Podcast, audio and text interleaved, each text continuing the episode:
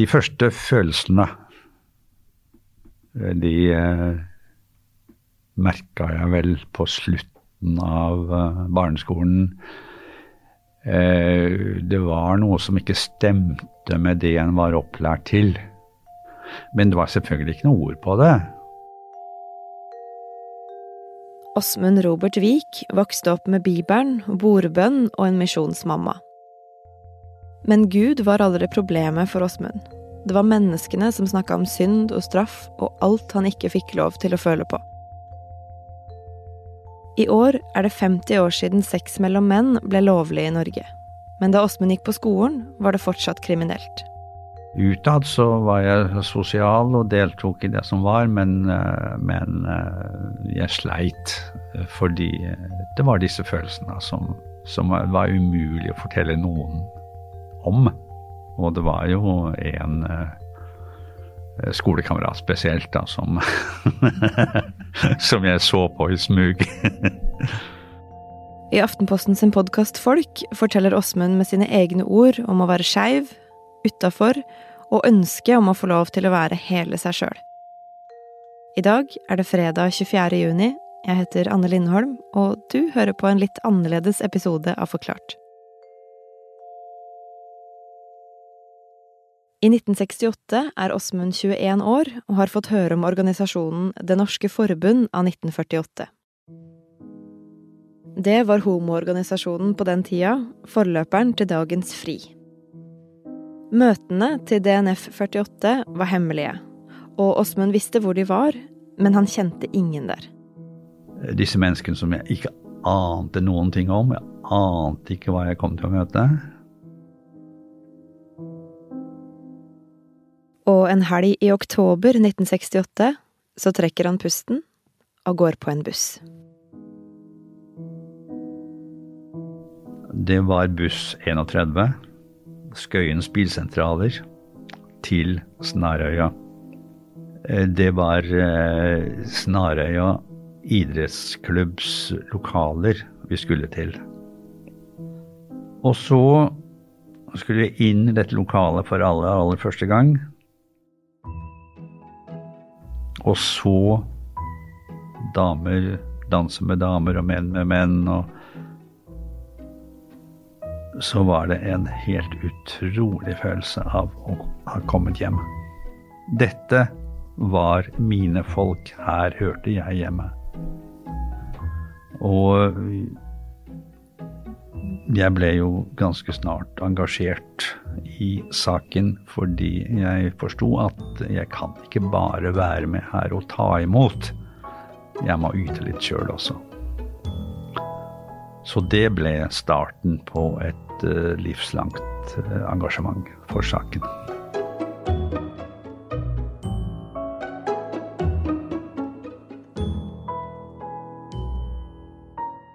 Så fikk vi en invitasjon fra eh, NRK, fra Liv Håvik. En av de virkelig gamle, gode programlederne. Hun ville lage et program om homofili.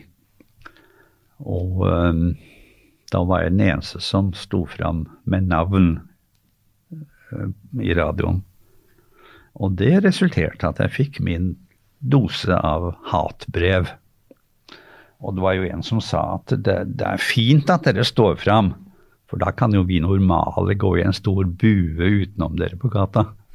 Så er det en annen som sa at, eh, at dere møter motstand kan jo bety at dere ikke oppfører dere pent. Nei, så det hadde, Sånt hadde vi å stri med, men vi ga oss ikke.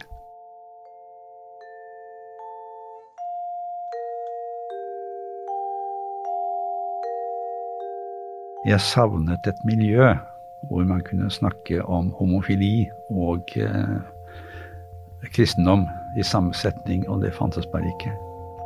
Vi kunne ikke gi slipp på, på eh, kristne tro, fordi det var en så stor del av identiteten blitt at eh, den, den måtte være med videre. Så da vokste ideen fram om at ja, kanskje vi skal starte en gruppe. Det var et medlemsmøte i DNF 48 i 76, hvor vi snakket om kirken og homofili for n-te gang. Og holdningen var meld dere ut. Kirka er umulig å forholde seg til. Så det er, det er nytteløst. Så da hadde vi et medlemsmøte, og jeg holdt innledningen. Og avsluttet med at uh, hvis det var noen som var interessert i å jobbe videre med saken, så bli sittende igjen, så skal vi snakke om det. Vi var fem som ble igjen. Og uh, vi ble enige om at vi skal uh, gjøre dette her. Vi skal jobbe videre. Eh, så vi satte opp et oppslag og sa at vi var eh, Vi hadde stiftet eh, denne foreningen. Og så gikk der en alarm i forbundet. For da var det noen som mente at nå hadde den undertrykkende kirkes lange arm kommet inn i organisasjonen. Nå må vi passe på. Og så Vi hadde jo ikke noe tiltro til at vi, at vi ville overleve som, som gruppe. Det var det Nei, vi ble dømt nord og ned. Men Åsmund og de fire andre vil prøve. Så det første de bestemmer seg for å gjøre, er å snakke med en helt spesiell type prest.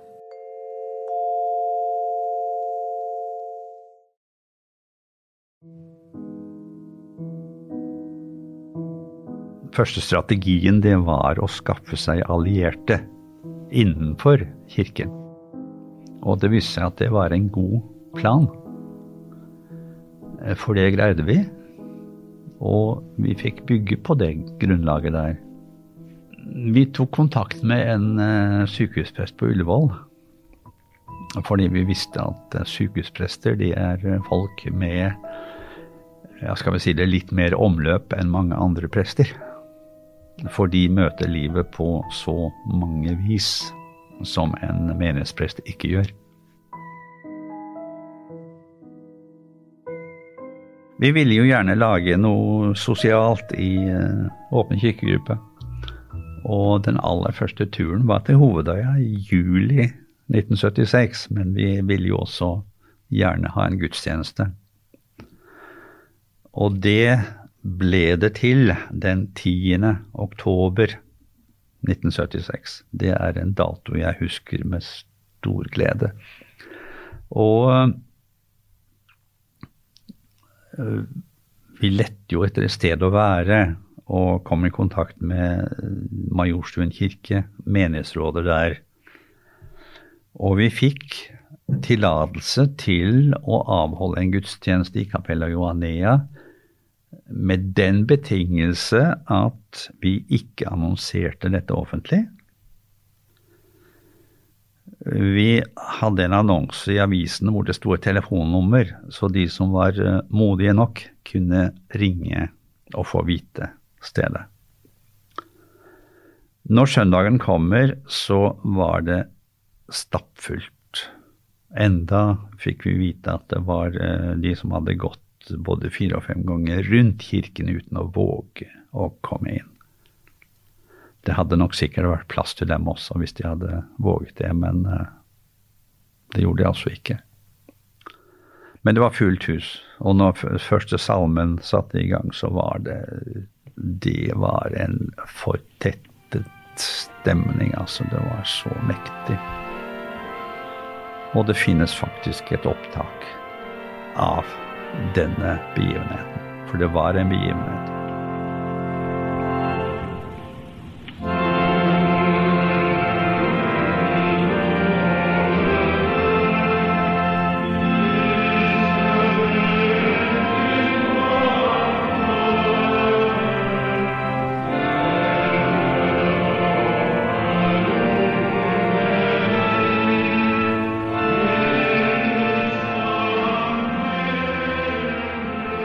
De som kom til oss, det var mange som meg selv, som kom fra landet. Som hadde hatt eh, tilsvarende opplevelser innenfor indremisjon og, og småforhold, da, som, som fant det fristedet hos oss.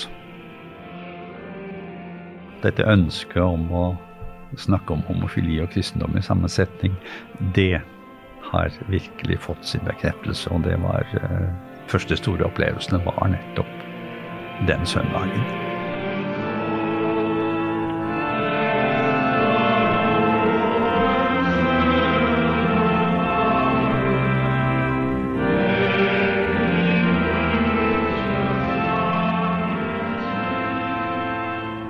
I DN48 så fikk vi eh, etter kort tid god velvilje der, fordi de så at vi mente alvor, at vi oppnådde noe. Så eh, de så at vi var, vi var seriøse.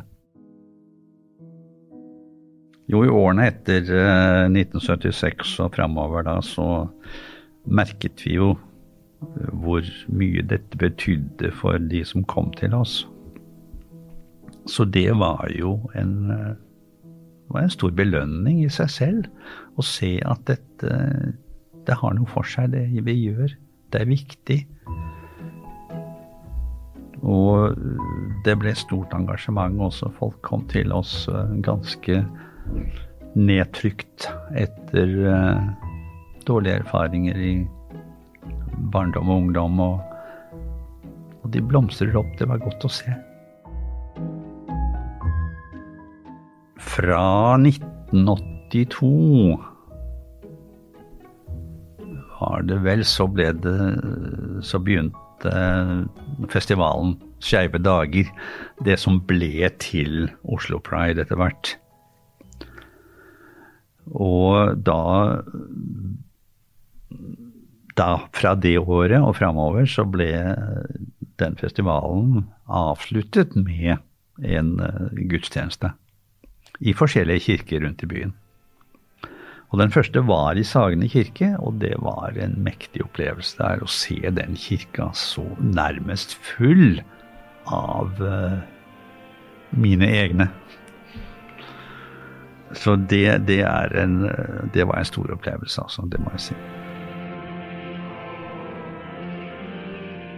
Eh, det er godt å se at Eh, det en har medvirket til å sette i gang, det har betydd så mye for så mange. Eh, og nå er jeg så godt i siget at det er ikke snakk om å slutte nå. Og en drivkraft er bare å få lov til å leve et fullt og meningsfullt liv som hele seg.